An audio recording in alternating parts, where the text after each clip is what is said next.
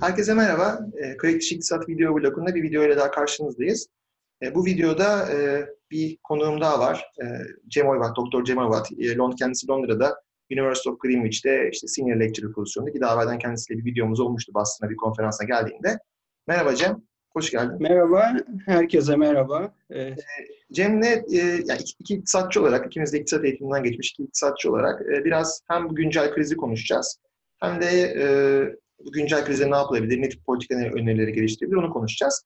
Hani videomuzun e, yapısı şöyle olacak ya da işte bu görüşmemizin yapısı şöyle olacak. Öncelikle Cem Londra'da yaşıyor ve İngiltere bu krizin hem sağlık anlamında, halk sağlığı anlamında hem de iktisadi anlamda en çok hissedildiği ülkelerden biri olmaya aday. Mevcut yönetimin uyguladığı politikalar nedeniyle veya başka şeyler Cem'le konuşacağız. Ben de şu anda New York'ta bulunuyorum. Amerika Birleşik Devletleri de aslında bu yine bu krizin hem iktisadi hem de halk sağlığı anlamında en çok etkisi etki göstermeyi beklediğimiz ülkelerden bir tanesi. De aslında tabii küresel anlamda böyle bir şey var. Aynı zamanda tabii ikimiz de Türkiye Cumhuriyeti vatandaşı olarak Türkiye üzerine de inmek istiyoruz. Çünkü Türkiye'de bu krizin etkisi ne olacak? Küresel ekonomi anlamında bu krizin etkisi ne olacak? Ve yine küresel ekonomi anlamında ve Türkiye için ayrı ayrı, ayrı olmak üzere ne yapılabilir? İktisadi anlamda ne yapılabilir? Bunu konuşacağız. Halk sağlığı anlamında ne yapılabilir? Çok konuşamayabiliriz belki çünkü ikimiz de halk sağlığı uzmanı değiliz ama yine de göstermek istediğimiz bazı grafikler, istatistikler var. Konuşmak istediğimiz bazı konular var. E, önce Cem'le başlayalım. Yani Cem, sen şimdi Londra'dasın. E, bize orada birazcık halk sağlığı anlamında yaşadıklarını ve işte İngiliz hükümetinin bu krize karşı tutumunu e, ve iktisadi anlamda etkilerinin İngiltere özelinde veya küresel ekonomi özelinde ne olacağını biraz anlatabilir misin? E, merhaba. E, şimdi bir kere İngiltere'de ki sağlık sistemi şu anda çok kötü bir şekilde yakalandı. Çünkü e, mesela anketlere baktığın zaman, insanlara sorulduğu zaman işte İngiltere'deki en büyük problem nedir diye büyük ölçüde tabii insanlar Brexit meselesini söylüyordu ama ondan sonra gelen konuda sağlık sistemi, NHS dediklerinin sıkıntıları. Çünkü e, zaten bu kriz başlamadan önce işte sağlığa İngilizlerin erişimi çok sıkıntılıydı. İşte hastaneye gidiyorsunuz 4 saat, 5 saat belki daha fazla e, sıra bekliyorsunuz. Ve tabii bu e, sıkıntıların da kaynağında bütün Avrupa'da olduğu gibi e, İngiltere'de de e, neoliberal politikaların e, getirdiği e, sağlık sistemindeki kemer sıkma politikaları çok ciddi rol oynadı. Yani Gerçekten... sağlık harcamalarının her geçen yıl bütçeden daha az bir pay alması ve bunun sonucunda da e, bunun getirdiği e, hani sosyal ve sağlık yani sağlık sektöründe, sağlık anlamında veya işte İngiltere'de NHS'de National Health Service herhalde açıklama ondaki Hı. olumsuz yansımaları değil mi? Tabii. Yani iki tane ben e, ne demek istediğimi göstermek için bir grafik aldım. İstersen onlara bakarsak e, bu Tabii hemen paylaşalım diye bir, bir dakika. E, STK'nın yaptığı bir rapordan ben aldım bunları. E, birinci grafikte İngiltere'deki hastanelerde bulunan toplam yatak sayısı. Hı hı. E, görüldüğü gibi e, bir süredir e, yani 99'dan beridir e, Evet, 1990, 1988'de başlıyor. 88'den beridir aslında. Evet. Thatcher döneminin sonu. Herhalde John Major döneminin başı diyebiliriz. Evet, yani Blair dönemini de kapsayan bir hı. dönemden bahsedebiliriz burada. E, düzenli olarak yatak sayısı azalıyor. Burada şunu söylemek lazım. Dünya Sağlık Örgütü'nün yanlış bilmiyorsam önerdiği yatak sayısı tabii hani ülkelerin nüfuslarına göre tabii ki artmasını bekliyoruz ama e, bin kişiye beş yatak düşmesi gerektiğini öneriyor Dünya Sağlık Örgütü. Bunun altında olan ülkeleri hani bu yatak kapasitesini arttırmaları gerektiğini söylüyor ki İngiltere'nin nüfusunun zaman içerisinde azalmadı, sabit de kalmadı hatta arttığını biliyoruz. Dolayısıyla bu yatak sayısının düşmesi aynı zamanda kişi başına düşen veya bin kişiye düşen, bin kişiye düşen yatak sayısında ciddi bir azalış gösteriyor. Hani 150 bin yatak e, İngiltere'nin nüfusu şu an kaç kişi? 60 milyon ya da 50 milyon var mı bilmiyorum ama e, hmm. bu hani sonuçta 5'in altında olduğu kesin. Türkiye bu rakamları aslında bu videodan evvel bakmıştık beraber Cem'le. E, Japonya'da, Kore'de bu 13, 10 e, civarında. Ben 5'in üzerinde zaten. Almanya'da 8, Avusturya'da takip ediyor daha sonra. Hani bunlar internette kamuya açık veriler. E, Türkiye'de de ne yazık ki şu anda 3 civarında, 3'ün hatta birazcık altında e, kişi, yani 1000 kişiye düşen yatak sayısından bahsediyorum. E, ki Ama Amerika'da ve İngiltere'de Türkiye'den de kötü. Aynen öyle. Aynen. Amerika'da ve İngiltere Türkiye'den de kötü. Evet. Ve işte ve çoğunlukla da yataklar dolu. Burada işte ikinci grafikte önerilen seviyeler var e, doluluk oranı için Hı-hı. ve e, İngiltere onun e, yani iki seviye önerilen seviyeye göre de şu anda üzerine çıktı veya sınırda. Aynen. Bu ne, neden önemli? Çünkü eğer e, bir hastanede tabii yüzde yüz doluluk oranı varsa bu yeni, yeni hasta getiremiyorsunuz tabii. Getiremiyorsunuz demek oluyor. Ya gelen hastaları geri çevirmek zorunda kalıyorsunuz tabii.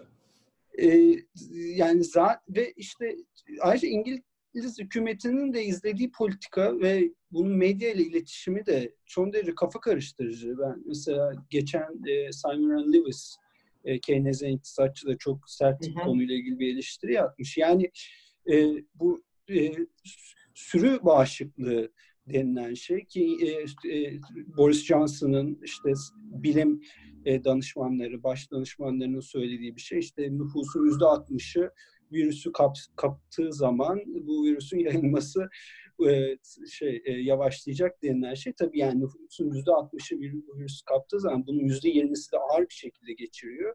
Bu yani 5-6 milyon kişinin yatak ihtiyacı. Yani şu çok enteresan. Bu sabahleyin Adem'le de konuştuk. Hani Amerika Birleşik Devletleri'nde de aslında hani ben kendi durumundan yola çıkarak söyleyecek olsam Amerika Birleşik Devletleri, İngiltere bunlar hani e, oldukça güçlü hani askeri açıdan, siyasi açıdan hani etkin olduğunu bildiğimiz oldukça güçlü ülkeler. İşte Amerika Birleşik Devletleri dünya lideri olarak vesaire bilinir.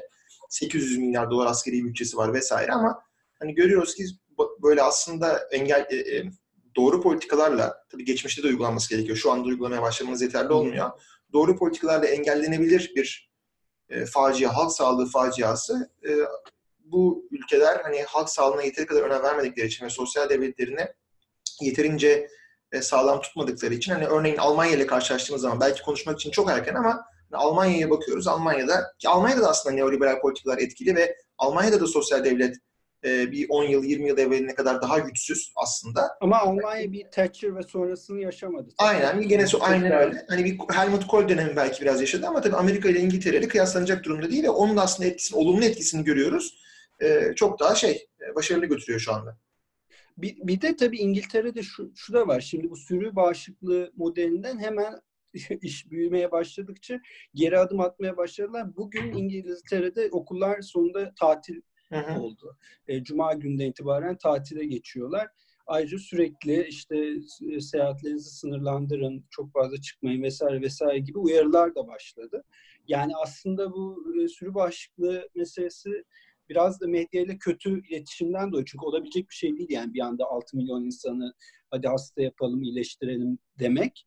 E, bundan bir geri adım atılıyor şu anda. Yani Amerika'da e, da aslında şey, devlet her ne kadar askeri ve anlamda bildiğimiz Amerikan devleti, güçlü devlet olarak bilsek de aslında iktisadi anlamda veya işte hani kamunun ekonomiye müdahalesi anlamında aslında çok güçlü değil. Ama tabii e, bunu aslında vakti zamanında bu tip ortamlar için düşünülmüş belli yasalar veya hani başkana veya senatoya e, ve kongreye daha doğrusu genel olarak e, bu konularda e, önlem almasını gerektiren bazı yasal hani yetkiler var aslında. Bunları kullanırsa eğer ki şu ana kadar pek kullanmamıştı Başkan Trump, kullanmaya karar verirse ve kullanırsa aslında bir yandan da o aslında ekonomiye çok da fazla müdahale etmediğini ve hani yıllardır etmediğini bildiğimiz Amerikan devleti bir anda aslında çok güçlü bir noktaya gelebilir. Burada da şu anda işte hastanelerin kamulaştırılması konuşuluyor. E, mesela Amerikan ordusunun US Corps of Engineers adlı bir birliği var. Yani bizim böyle istihkam birlikleri falan gibi gibi düşünün. Aslında burada 40 bin tane mühendis çalışıyor ve işte New York valisi başkana adeta yalvardı Twitter'da falan. En sonunda kabul de edildi galiba.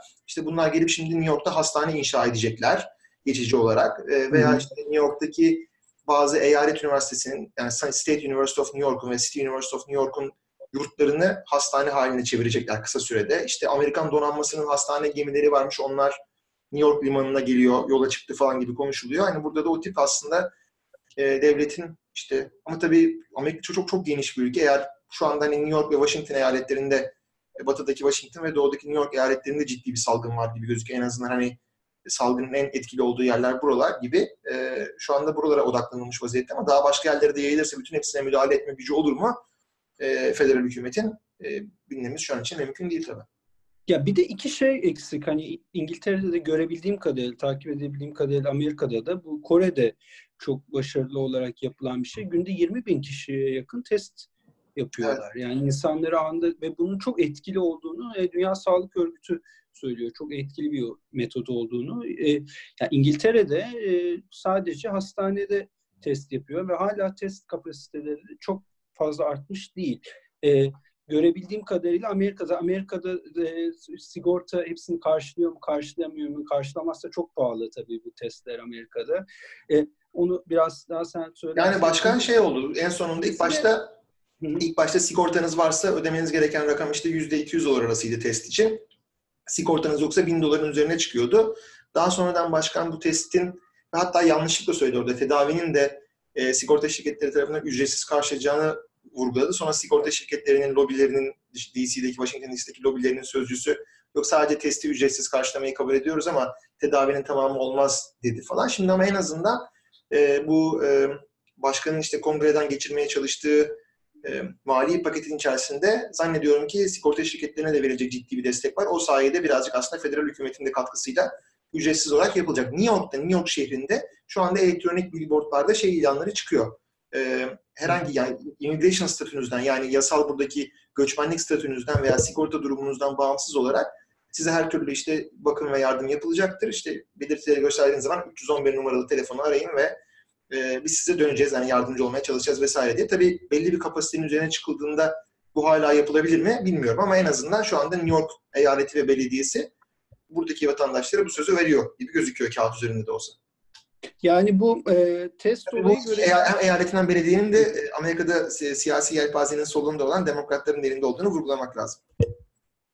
Tabii yani şeyler demokratlar ister daha progresif olabiliyorlar ama evet. e, yani Türkiye'de de aslında bu görebildiğim kadarıyla test meselesi problem gibi. Yani Sadece... Kaç test yapıldığını dahi yani şu anda bu gece belki bakan artık açıklamaya başlar. Hiç şeffaf değil evet. Kaç yani... test yapıldığını bilmiyoruz. Yani hani e, pozitif e, sonucunu biliyoruz. Kaç kişinin pozitif olduğunu. Dün itibariyle 98'di. Vefat eden kişi sayısını maalesef dün itibariyle birdi biliyoruz. Hani doğru hani bu resmi rakamları biliyoruz en azından. Öyle söyleyelim. Ama resmi rakamlarda da iyi olsa kaç tane test yapıldığını bilmiyoruz. Çünkü açıklanmadı. Bir o, bir de ikincisi yani bu İngiltere'de de problem, e, muhtemelen Amerika'da da takip ettiğim kadar problem ve Türkiye'de problem maske. Yani hı hı. ucuz maske erişim e, çok mümkün değil. Yani burada işte internetten dün sipariş etmeye çalışıyorum. 19 pound'a geliyor tanesi. E, yani maskeler de çalınıyor hastanelerde. Hani kötü insanlar her yerde var. Sadece ahlaksız insanlar Türkiye'de yok. Peki şimdi bu halk sağlığından biraz iktisadi etkilere geçmeye başlarsak eğer yani küresel ekonomide bunun iktisadi etkileri işte Amerika, İngiltere veya diğer ülkeler özelinde ne olur? Türkiye'de iktisadi etkileri ne olur? En sonunda bunu da konuştuktan sonra ne yapılabilir konuşalım. Hani ondan sonrasında. Şimdi hmm. iktisadi etkileri ne olur? Ben bununla ilgili gazete duvara bir yazı yazdım. İşte bir tane video, hmm. kendimce bir videoda çektim hızlıca e, ne olabileceğiyle ilgili e, ofiste geçirdiğim son iş gününde. Ama hani sen, senin bu konuda aslında fikirlerini öncelikle alsak hani belki ben de orada eklemeler yapmaya çalışırım. Sen ne düşünüyorsun bu konuda? Ee, tabii yani burada şimdi şey, bir grafik 3'e gidersek Ceyhun orada bir şey göstermek istiyorum. Tabii ki hemen. Ee, dakika. Evet. Gönderdiğim dosyada. Grafik 3 şurada. Evet. Şimdi burada biraz belki zoom out yapsam. Neyse buradan görülebilir. Görülüyor ee, herhalde ama evet. bu evet şey biraz daha yapabilirim. Şimdi burada bu konaklama ve yiyecek hizmetleri faaliyette sanat, eğlence, kültür e, ve spor sektörlerinin ve de e, ulaştırma ve depolama sektörlerinin bir toplamı. E, bu gayri safi milli hasılaya olan katkısı bu sektörün farklı ülkeler için. Şu çizginin belki 20 olduğunu söylemek lazım. Şu ortadaki çizginin %20 evet. olduğunu. Evet. Bu, %20'lik yani, kapsıyor ülke Malta gözüküyor. Evet. Yani Güney Avrupa ülkeleri çok şey tabii turizme bağlı ülkeler Hı-hı. olduğu için Malta, işte Güney Kıbrıs, Yunanistan, İspanya. Türkiye'de de aslında gayet yüksek. Türkiye'de de %12.2 civarı. Bu 2018 verisine göre. Son 2019 Hı-hı. için henüz TÜİK veri açıklamadı. Çok inanılmaz ee, ama, değişiklik olmamıştır herhalde. İnanılmaz değişiklik olmamıştır ama insanların hayal edebilmesi için bir sayı söyleyeyim. Bu aşağı yukarı 500 milyar TL'nin üzerinde geçen Hı-hı. seneki şeye göre. E, bu e, gayri safi milli hasıla hesaplarına göre. Yani ve sektörlerde işte konaklama yiyecek yani restoran ve otel. Hani bu 500 milyar TL'yi bu arada hani gözlerinde canlandırması için dinleyicilerin şeyle düşünebiliriz. Hani bugün açıklanan e, Cumhurbaşkanı Erdoğan tarafından açıklanan ve krize yönelik olan işte iktisadi paketin içerisinde toplam hani bütün şu andaki harcamaların toplamı o paketteki teşviklerin, KDV indirimlerinin vesairenin toplamının 100 milyar TL civarında olduğu düşünülüyor. E, bir zaman burada 500 milyar TL'lik bir sektörden bahsediyoruz. Evet. Evet, bunun katma değeri olduğunu da söyleyeyim. Yani şey değil, burada girdiler yok. Mesela ulaştırma Hı-hı. ve depolamada işte benzin masrafları falan yok. E, bu sadece o e, sektörün ürettiği katma değer. Ürettiği katma değer, evet. Ve de e, yani şimdi düşündüğün zaman bunların bir de belki ulaştırma, depolama, ithal girdi daha çok kullanıyor ama işte otel, restoranlar, işte yiyecek, içecek yerleri. Bir de şey yani e, girdi satın alıyorlar. E, ve büyük ölçüde de yerel işletmecilerden satın alıyorlardı. Böyle bir etkisi var. Aha. Artı e, başka bir şey de söyleyeyim. E, çalışanlar işte bunların belki bir kısmı işsiz kalacak bu ülkelerde ve bunların harcamaları kesecek. Artı bunlar sadece üç tane sektör. İşte insanlar e, e, belki giyim, elektronik, şu bu gibi bir sürü şeyi e, almayı durdurdular. Şu anda otomotiv, otomotiv sektöründe bile bir sürü fabrika bugün işte Financial Times yazıyordu. E, üretimi durdurmuş durumda. Yani, yani şu anda tabii insanların önünü görmesinin önünde çok ciddi engeller var ve hani geçtim hani otomotiv sektörünü, konut sektöründe de mesela yani ben şu anda Türkiye'de konut almayı düşünen bir yatırımcı olsam veya ne bileyim kendim oturmak için, ikamet, ikamet etmek için bir konut alacak olsam hani alayım mı diye bir herhalde yutkunurum herhalde birkaç kere ve belki de en azından birkaç ay beklemeyi düşünebilirim. Tabii canım yani hem o harcamaları hem yatırımları tabii ki erteliyorsun. Yani evet. faiz indirimleri görüyoruz ama neticede faiz isterse sıfır olsun. Sen eğer müşterin yoksa e, yatırım yapmak tereddüt edersin ister istemez. E, ve de bazı sektörlerde belki sıfıra inecek üretim. Yani turizmde, oteller mesela. Bakalım ne olacak? Turizm. Bankalar şube kapatabilir mesela. Hani sonuçta şubeleri olan talepleri şu anda düşürmeye çalışıyorlar. Birkaç tane hesabım olan bankada Türkiye'den e-mail geldi. İşte şubeye mümkün mertebe gitmeyin. E, ATM'leri kullanın. ATM'de para çekim limitleri arttırılmıştır vesaire diye. Evet yani inanılmaz bir talep şoku var evet. baktığınız zaman. Bütün talep, Peki talep şoku var tabii. Talep şoku tabii ki var. Sonuçta yani insanlar harcamıyorlar. Yani o var, etkisi var. Artı bir de e, insanlar harcamadıkça bunun tabii bir feedback etkisi yani geri bildirimi de olacak. İnsanlar harcamadıkça e, bazı insanlar ne yazık ki işsiz kalacak veya maaşları düşülecek e, ve daha az har yani daha da harcamayacaklar bunun üzerine. E, böyle bir döngüye girebilir ekonomi. Öyle bir sıkıntı var. Onu vurgulamak lazım ama ikincisi de hani e, işte mesela şu anda vatandaşlık gideri uygulamaları konuşuyor veya işte bu e, Amerikan Merkez Bankası aracılığıyla veya işte Amerikan işte hazinesi aracılığıyla bütün e, Amerikan vatandaşlarına permanent residentları kapsar mı bilmiyorum ama en azından vatandaşlara bir işte bin dolarlık çek gönderilmesi söz konusu. Hatta belki bu iki kere yapılacak falan. Yani tek devlet yani insanların cebine para koyacak bu zor durumda, bu zor süreçte. Fakat hani insanlar bu parayı çıkıp harcamazlarsa dışarıya. Yani tamam tabii ki öyle mecbur hani yiyecek içecek vesaire gibi şeyler için harcanacak illaki ama e, tamamını harcamayabilirler haklı olarak ve harcamazlarsa eğer gene bazı sektörlerde talep sıfıra inecek o kesin. Yani Türkiye'de tabii e, işte oteller, sen bu sektörlerin paylarını az önce grafikte çok güzel gösterdin. Onu hazırlamışsın. Teşekkür ederiz. E, yani işte eğlence sektörü, e, tiyatro sektörü, işte ne bileyim sinema sektörü, e, restoranlar hatta yani sonuçta burada mesela New York'ta şu anda restoranların dışarıya servis vermesi serbest. Yani evlere gönderebiliyorlar veya sen telefonlara sipariş verip hemen gidip kapıdan paket alıp çıkıyorsun. İçeride oturmak yasak sadece. Türkiye'de de böyle olabilir herhalde. Restoranlar kapatılıyor ama belki dışarıya evlere servis zannedersen var hala. Ee, ama yine de ciroları düşecek bir miktar sonuçta bazı restoranların eminim ki. Ya sonuçta mesela ne bileyim yeri itibariyle sadece satış yapan restoranlar olabilir veya oteller tabii ki çok ciddi etkilenecek. Turizm şirketleri çok ciddi etkilenecek. Ulaşım şirketleri etkilenecek. Yani otobüs şirketleri. Valla Ceyhun yani ben açıkçası e, mümkün olduğunca restoranlardan uzak durmaya çalışıyorum. Evet. Yani sıfır olmasa da çünkü sipariş bile versen neticede onu hazırlayan insan virüs. Tabii. Ee, şuraya e, gelmeye çalışıyorum. Yani bu hani şey sadece benim düşüncem ama benim gibi milyonlarca insan da böyle düşünüyor. Yani online da Şuraya gelmeye yani. çalışıyorum. Yani devlet bize para verse de cebimize, yani devlet bana 10 bin TL de verse, 10 bin dolar da verse ben şu anda gidip bir otelde kalmam. Dolayısıyla yani otel talebini etkilemeyecek bana para verilmesi hani. Dolayısıyla da e, bu sektörlerdeki talebi canlandırmak için başka ne yapılabilir diye düşündüğümüzde ben işte bunun köşe yazısında bahsetmeye çalıştım kastım duvarda çıkan. İşte bu University of California Berkeley'den Gabriel Zuckman ve Emanuel Sayeski işte bu vergi araştırmaları konusunda uzun süredir Piketty ile beraber ciddi çalışmaları var. Hani işte servet vergisini savunuyorlar, gelir vergisinin üst gelir grupları için artırılması gerektiğini savunan progresif iktisatçılar bunlar. Ee, onların bir önerisi işte devletin e, buyer of the last resort yani son alıcı merciğini oynaması. Merkez bankalarının hep böyle para ekonomisi derslerinde anlatılır işte lender of the last resort. Bütün bankalar battığında Merkez Bankası devreye gider para koyar falan. Ki görüyoruz yani oluyor, oldu tarihte çok fazla sayıda. E, işte buna benzer, buna atıf, atıf yaparak yani buyer of the last resort. Yani devlet son alıcı olsun, gerekirse talebi bu sektörde devlet yaratsın. Tabii bunu pratik olarak yapmak çok kolay değil herhalde. Ne bileyim bir iflasın eşiğinde olan bir otelden konaklama hizmetini devlet nasıl alacak? Belki alacak, daha sonradan bunları dağıtacak bir şekilde en azından yani dolayısıyla bu şirketlerin kasasına devletin böyle target yani böyle hedefli, direkt doğru nokta atışlı hep para koyması lazım ki bu sektörler canlı kalmaya devam etsinler değil mi?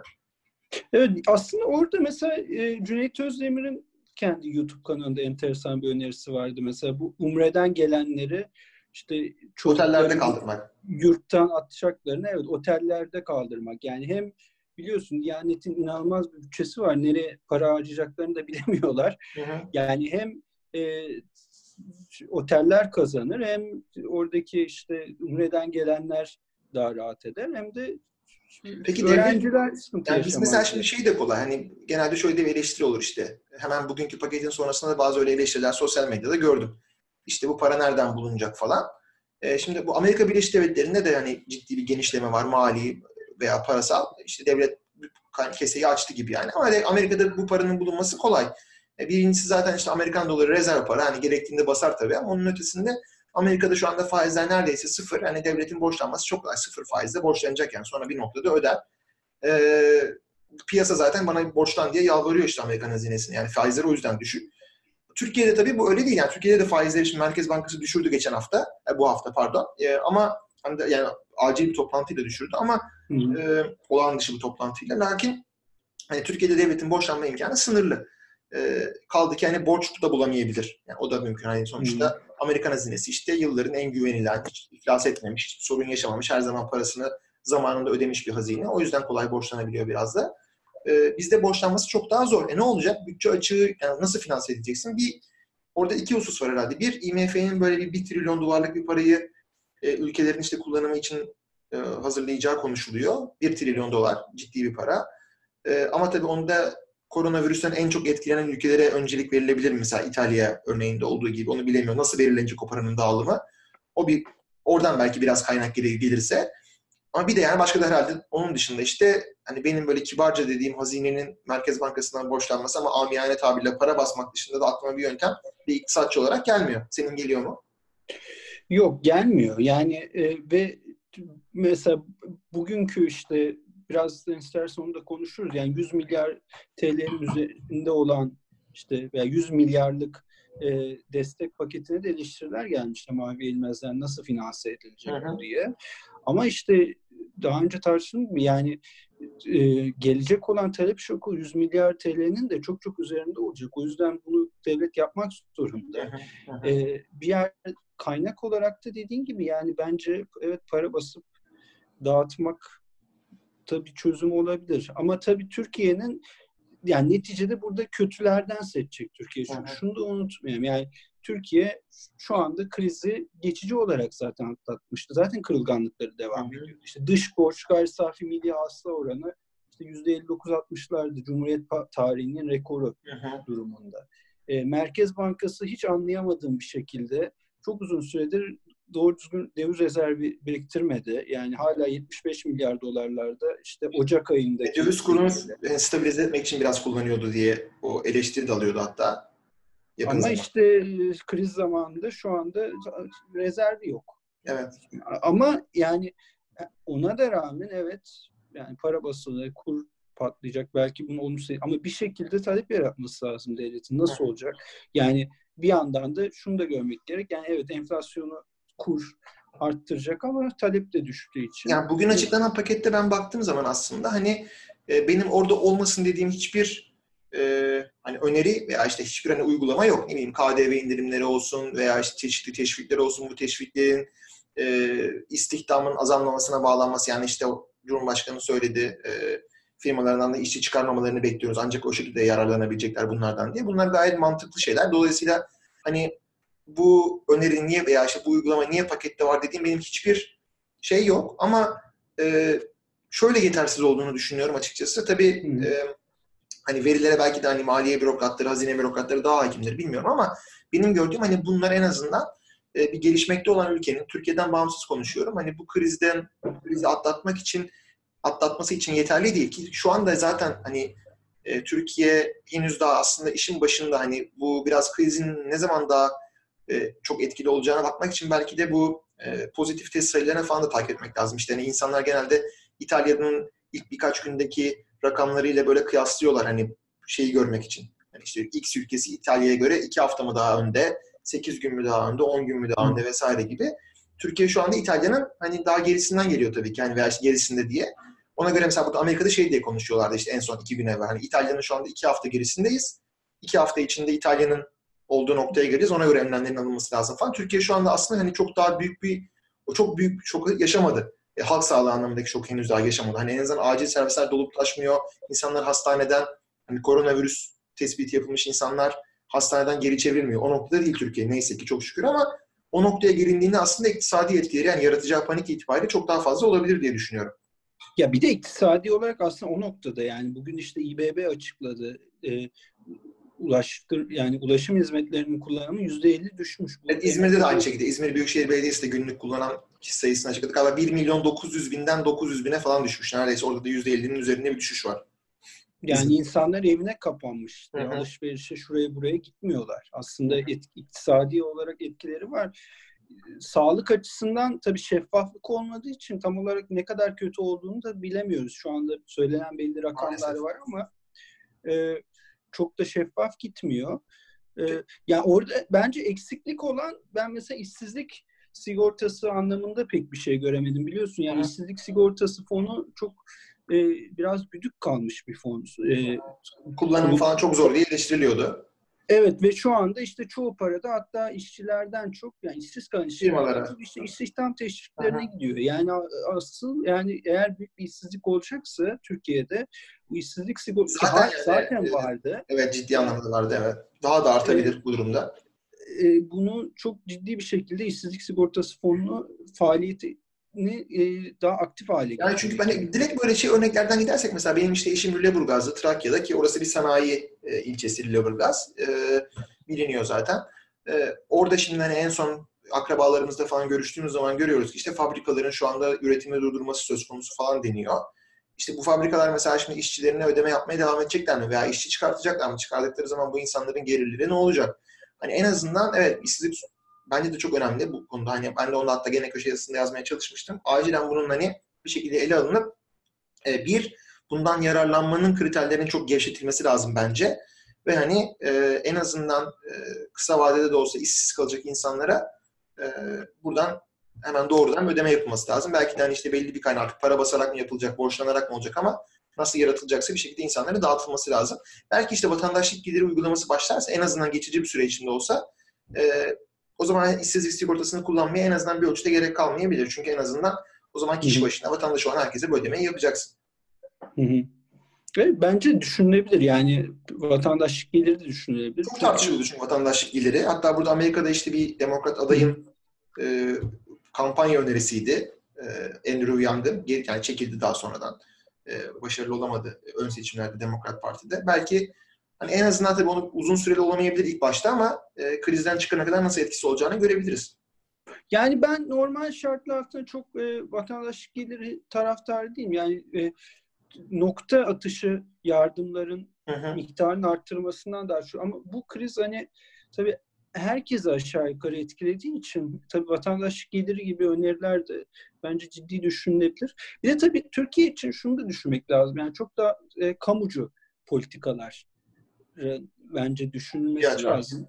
E, hem planlama anlamında çünkü eğer e, ekonomiye Türkiye e, hükümetin bir müdahalesi olacak ki olmak zorunda şu şartlarda. Bunun nasıl yapılacağının çok ciddi bir altyapısı olması lazım.